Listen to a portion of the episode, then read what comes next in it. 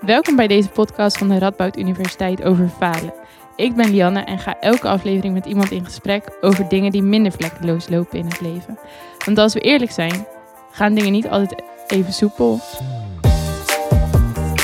Vandaag spreek ik met Emma de Blok, student filosofie aan de Radboud Universiteit. Zij vertelt hier over haar ontwikkeling na een nare ervaring als cashier bij een supermarkt. Dit noem je nou prutswerk, de podcast. Hoi Emma, welkom. Hoe eh, zit je erbij? Ja, helemaal goed. Ik vind het helemaal leuk dat jullie mij hiervoor gevraagd hebben eigenlijk. Chill, supergoed. En eh, wil je even eh, jezelf kort introduceren? Uh, ja, um, ik ben op het moment student filosofie. Ik heb de bachelor communicatiewetenschappen afgerond. Uh, ik werk nu bij de Unie voor de Food and Beverage. Uh, dat is de horeca van de Unie. En daarnaast ben ik betrokken bij de podcast Bottle Up, wat de internationale versie is van Prutswerk. Ja, super cool. Daar ben ik super enthousiast over ook, dat je dat doet. Maar ook heel leuk dat je toch ook jouw verhaal dan hier wilt delen. Mm -hmm. En um, voordat we daar naartoe gaan, ben ik benieuwd of je nog een grappig verhaal hebt uh, van uh, afgelopen tijd. Uh, absoluut. Uh, grappig, ja, dat was het in het moment zelf natuurlijk niet. Uh, omdat ik dus werk bij Food and Beverage, moest ik werken bij de aula. Dat was een oratie, dus dan loopt iedereen er van die gekke togaatjes. Heel, heel leuk, super, super leuk om bij te zijn. Maar dat heeft ook een schaduwkant. Namelijk dat als je met een dienblad vol glazen wijn door die menigte van 250 man moet sjouwen, dan wil het nog wel eens gebeuren. Dus, nou ja, ik spreek nu uit eigen, eigen ervaring. Dat zo'n hoogleraar dan omdraait met die gigantische mouwen. En dat komt dan op je diemlat terecht. Ach, vreselijk. Nee, nee, nee, nee, En dan hoor je allemaal geklingel en dan weet je al hoe laat het is. Oh um, boy. De ja. schade was beperkt. Oh. Het was gelukkig van alle glazen die op het diemblad stonden, was het uh, het water dat uh, moest bezwijken. Maar dat zijn wel echt momenten dat je denkt... Zo, wat ben ik blij als dit even helemaal achter de rug is en ik gewoon weer op de bank zit. Want iedereen kijkt je dan aan. Ja, en oh, zo heftig is dat. Dan vind ja. ik het echt moeilijk om weer mezelf weer bij elkaar te rapen. En gewoon weer met dat dienblad verder te sjouwen, zeg ja. maar. Oh, dat snap ik heel goed. Ja. Dus dat was uh, afgelopen week. Kan je er ondertussen wel om lachen? Of, uh... Ja, ik denk ook omdat ik door de jaren heen geleerd heb dat het fijn is om dat gewoon gelijk kenbaar te maken dat ik dat lastig vind. Dus ik ben meteen daarna naar mijn baas gegaan van... Yo, ik, ik weet dat het niet super boeiend is, maar ik vind het toch moeilijk om mezelf bij elkaar te rapen. En dan is het gewoon fijn dat hij zegt van... Ik snap je heel goed. Ik heb dat zelf ook altijd. Maar weet dat je het gewoon moet gaan accepteren, want je moet gewoon door. Ja.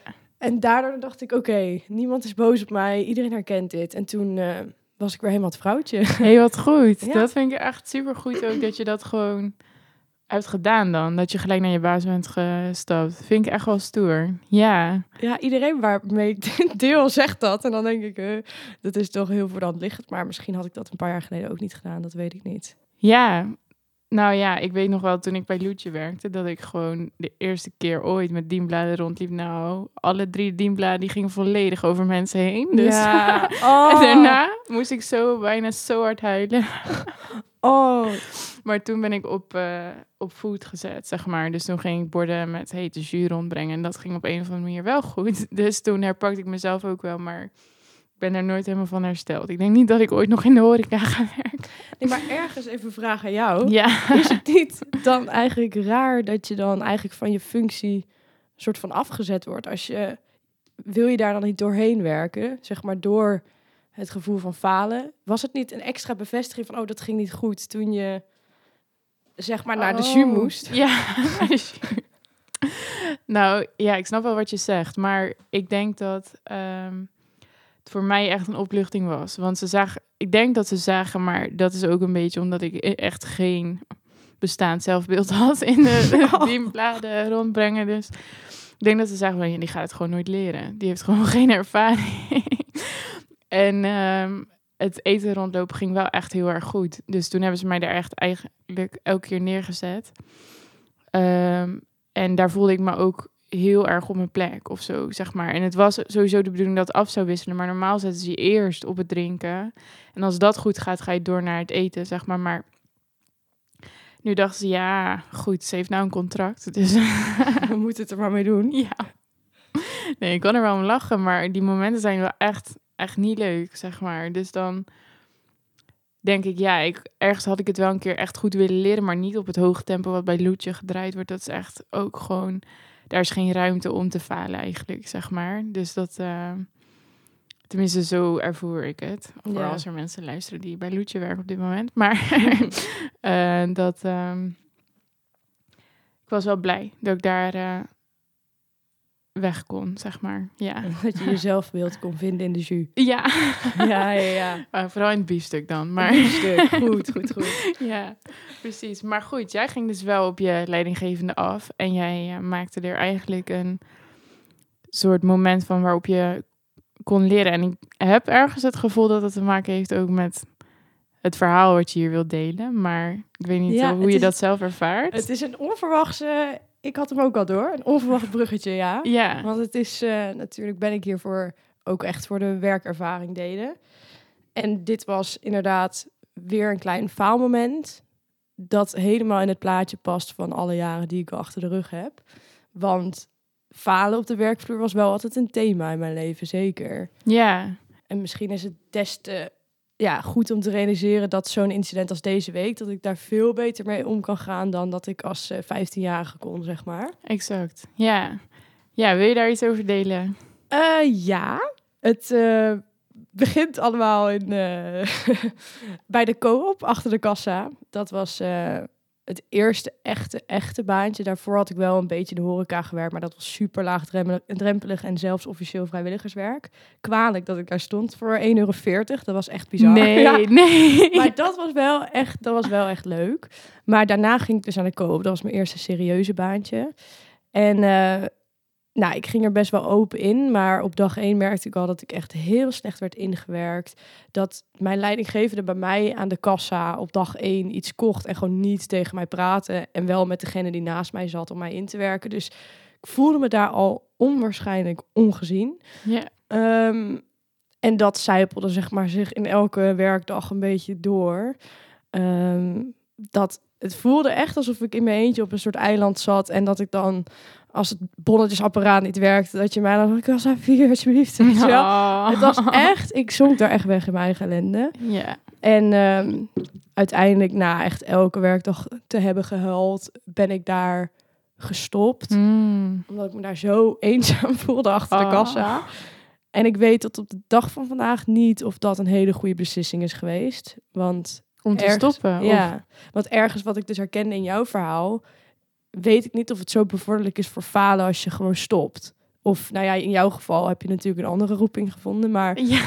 voor mij was het wel echt stoppen. En daarna had ik dus echt helemaal niks meer om handen Mm. waar ik nog van kon leren of een soort van bevestiging uit kon halen dat ik zeg maar dat wel kon. ja.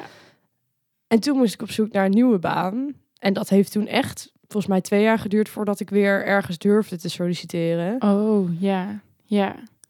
Dus dat was, ja, achteraf gezien weet ik niet of dat eh, het meest gunstige was wat ik had kunnen doen.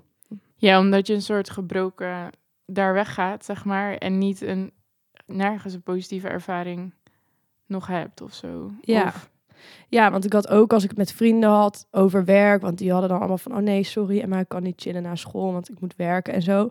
Dan voelde ik echt gewoon een steek van jaloezie van, oh wat, wat chill als je gewoon weet van, oh ik ga even van vier tot acht daar staan. Pff, dat is echt niks. Oh, even werken, weet je wel. Omdat voor mij was werk echt in mijn hoofd zoiets groots en moeilijks, Mm. waarvan ik dacht dat ik dat nooit zou kunnen. Ehm, dat ik daar echt wel een beetje jaloers van werd. Ja. En de hele tijd wist van ik moet hier nog iets mee. Ik moet wel een keer iets anders gaan proberen, maar ik durf het nog niet. Ja, ja, ja. Wow. Dat is wel, het heeft in ieder geval een fikse impact eh, gemaakt dan, die tijd. Maar je had het gevoel van eenzaamheid en eh, een soort ongezien zijn of zo. Waren er nog meer eh, ervaringen daar? Nou ja, het was niet zozeer echt eenzaamheid, maar gewoon meer eh, eh, ja, gewoon een beetje hulpeloos misschien beter, beter woord. Want bij een kassa kun je niet zomaar even opstaan en zeggen... eh, sorry, ik ben zo bij u terug. Ik ga even twee kassas verder vragen hoe het bonnetjesapparaat werkt. Nee. Dus het is dan gewoon meer hulpeloosheid. Dat je weet, als er nu iets gebeurt, of iemand doet gemeen tegen mij, of iemand is heel ongeduldig, dan berust het allemaal meteen op mijn kleine, fragiele 40-jarige schoudertjes, zeg ja, maar. ja, ja. Ehm, dat was het heel erg. ja. Eh, en daarbij zag ik de tijd echt eh, voorbij kruipen. Ik dacht Mm. echt van wow, ik moet hier nog drie uur zitten. En dat is heel cruciaal voor deze periode geweest. Ik moet hier nog drie uur zitten en in drie uur kan er zoveel fout gaan. Zo Oh, bang was ik als ik daar ja, zat. Ja, ja. dus ook gewoon wel heftige gedachten erbij. Van eh, dat je vooral de, de enge dingen ging opstapelen of zo, zeg maar.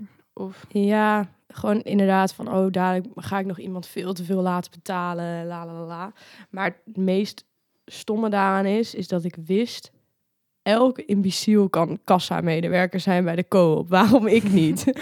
ja, Dat, dat is denk ik de crux geweest. Ja. Dat ik, dat heeft me, mijn zelfbeeld is echt voor een paar jaar wel echt behoorlijk aangetast van, he, ik had mezelf echt hoger zitten, maar na die ervaring, ja, durf ik het niet meer. Oh. het is wel echt, het is gewoon best sneu, toch? Dat is heel sneu. Ach, ja. dat je gewoon zo'n ervaring bij de koop op kan doen. Maar wat denk je nou dat de oorzaak was dan? Ik denk gewoon echt het er al niet super zelfverzekerd instappen en dan ook nog echt slecht ingewerkt worden. Ehm, nu met de ervaring die ik nu heb, eh tig jaar later, ehm, zie ik ook wel in van ik moest ook alles zelf uitvogelen daar op die stoel. En geen collega deed de moeite om mijn naam te onthouden. Dus dan is het ook gewoon niet gek dat dingen niet vlekkeloos lopen. Maar dat kon ik destijds niet inzien en niet accepteren. Dus daar is, eh, daar is een proces voor nodig. Ja, ja, exact. Want het lijkt mij inderdaad dat zo'n team wat gewoon helemaal geen oog heeft, dus blijkbaar op dat moment voor jou echt geen leeromgeving is waar je vooruit komt of zo, zeg maar. Nee. Dus dan is het ook best heftig als je dat allemaal op jezelf betrekt, toch? Ja, ik denk dat dat een, eh, een, sowieso een grote les is voor ons allemaal. Dat dat soort dingen hoef je echt niet zo direct op jezelf te betrekken. Ook jij met je glazen bij Loetje. Dat is echt niet dat jij dat niet kan.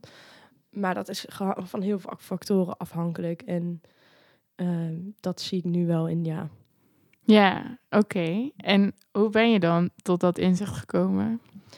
Ehm, uiteindelijk ben ik weer bij de, of ben ik weer, ben ik begonnen bij de HEMA. En dat heb ik ook totaal niet lang volgehouden. Maar dat was omdat ik het echt een soort moderne slavernij vond om daar 27 euro per maand te verdienen. Zeven, voor hoeveel uur dan? Ja, ook echt bizar weinig. Maar als middelbare scholier vond ik het allemaal veel te druk en eh, gedoe. Dus daar heb ik de proeftijd eh, vriendelijk uitgezeten. En toen zei ik doei.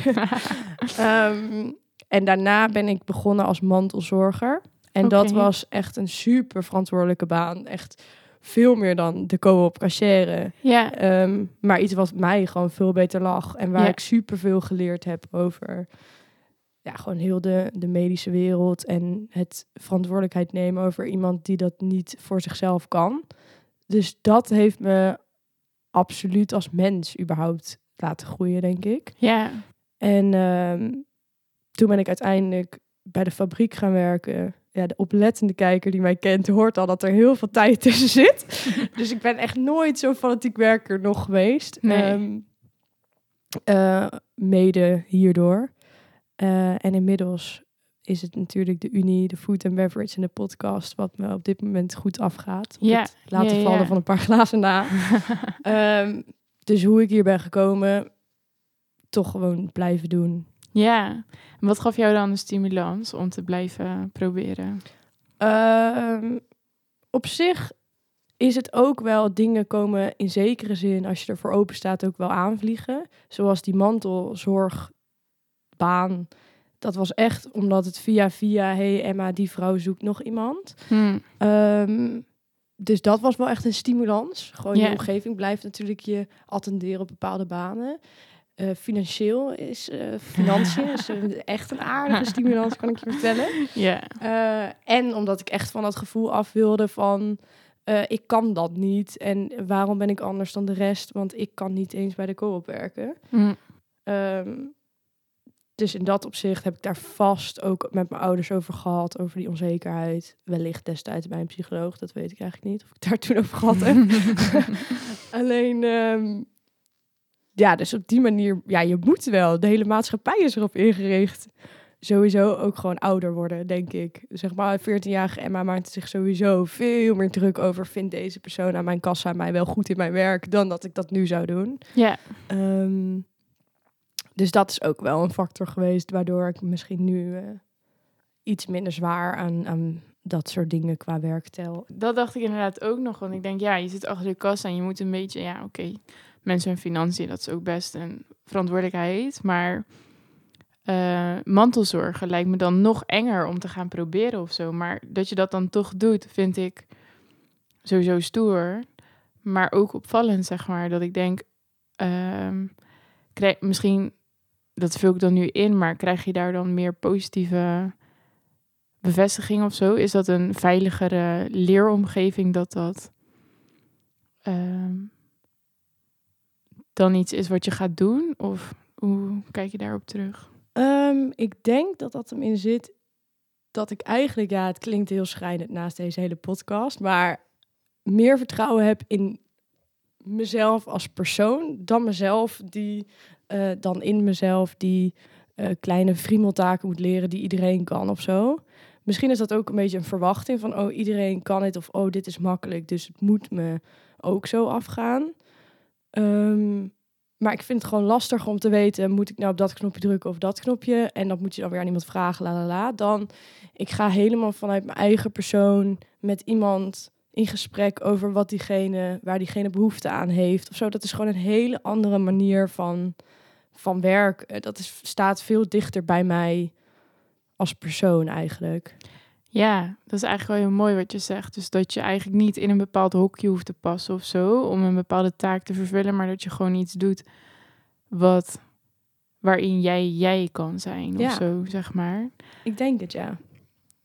Dat is wel gaaf. Ja, cool om achter te komen, denk ik. En ik denk, ik weet niet of je dat zo ziet, maar ik denk dat het ook helpend is dat er dan veel minder vergelijking is of zo, zeg maar. Dus dat je, ik kan me voorstellen, daar dacht ik zelf laatst al over na, van waarom is het zo'n probleem voor Nederlanders of studenten eh, om niet allemaal goede cijfers te halen of zo, of wat dan ook. Maar of het idee dat je ergens een keer niet goed in bent omdat je een tentamen niet gehaald hebt.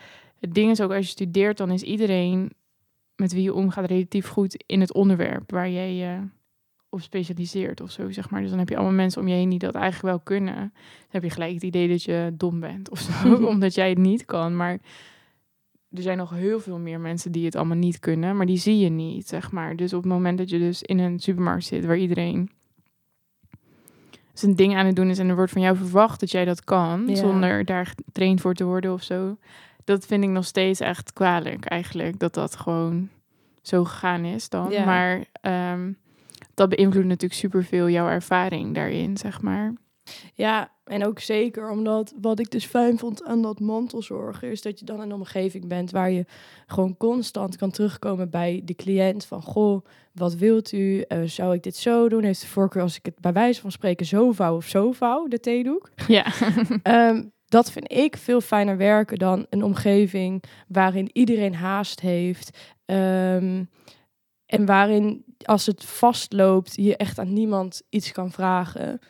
Dus dat is dan misschien ook teruggrijpend naar mijn faalverhaal van deze week. Het fijne aan mijn werk nu bij de aula is dat ik wel het gevoel heb dat ook al sta ik daar op moment suprem alleen tussen 250 mensen, weet ik wel dat ik een fijn team heb waar ik meteen zeg maar naar terug kan grijpen van hey, ik wil het hier graag over hebben of wat zouden jullie doen? Dus Ja. ik denk dat dat misschien hetgene is wat ik waar ik echt onder floreer en wat ik eh, door de jaren heen meer heb geleerd ook om te doen, inderdaad, om te vragen. Ja, precies. En daarin laat je dus ook weer meer van jezelf zien of zo, zeg maar. Dat je dus laat zien van, oh, ik vond dit even echt shit, zeg maar. Dat dit Ja. gebeurde vond ik echt even heel moeilijk. Maar dan kan je het tegelijk uitlaten. En dan kan je ook weer bemoedigd worden van, oh, maar we staan hier met z'n allen en je kan gewoon door en jij kan dit. Of ik weet hoe je je voelt. Gewoon dat alleen al.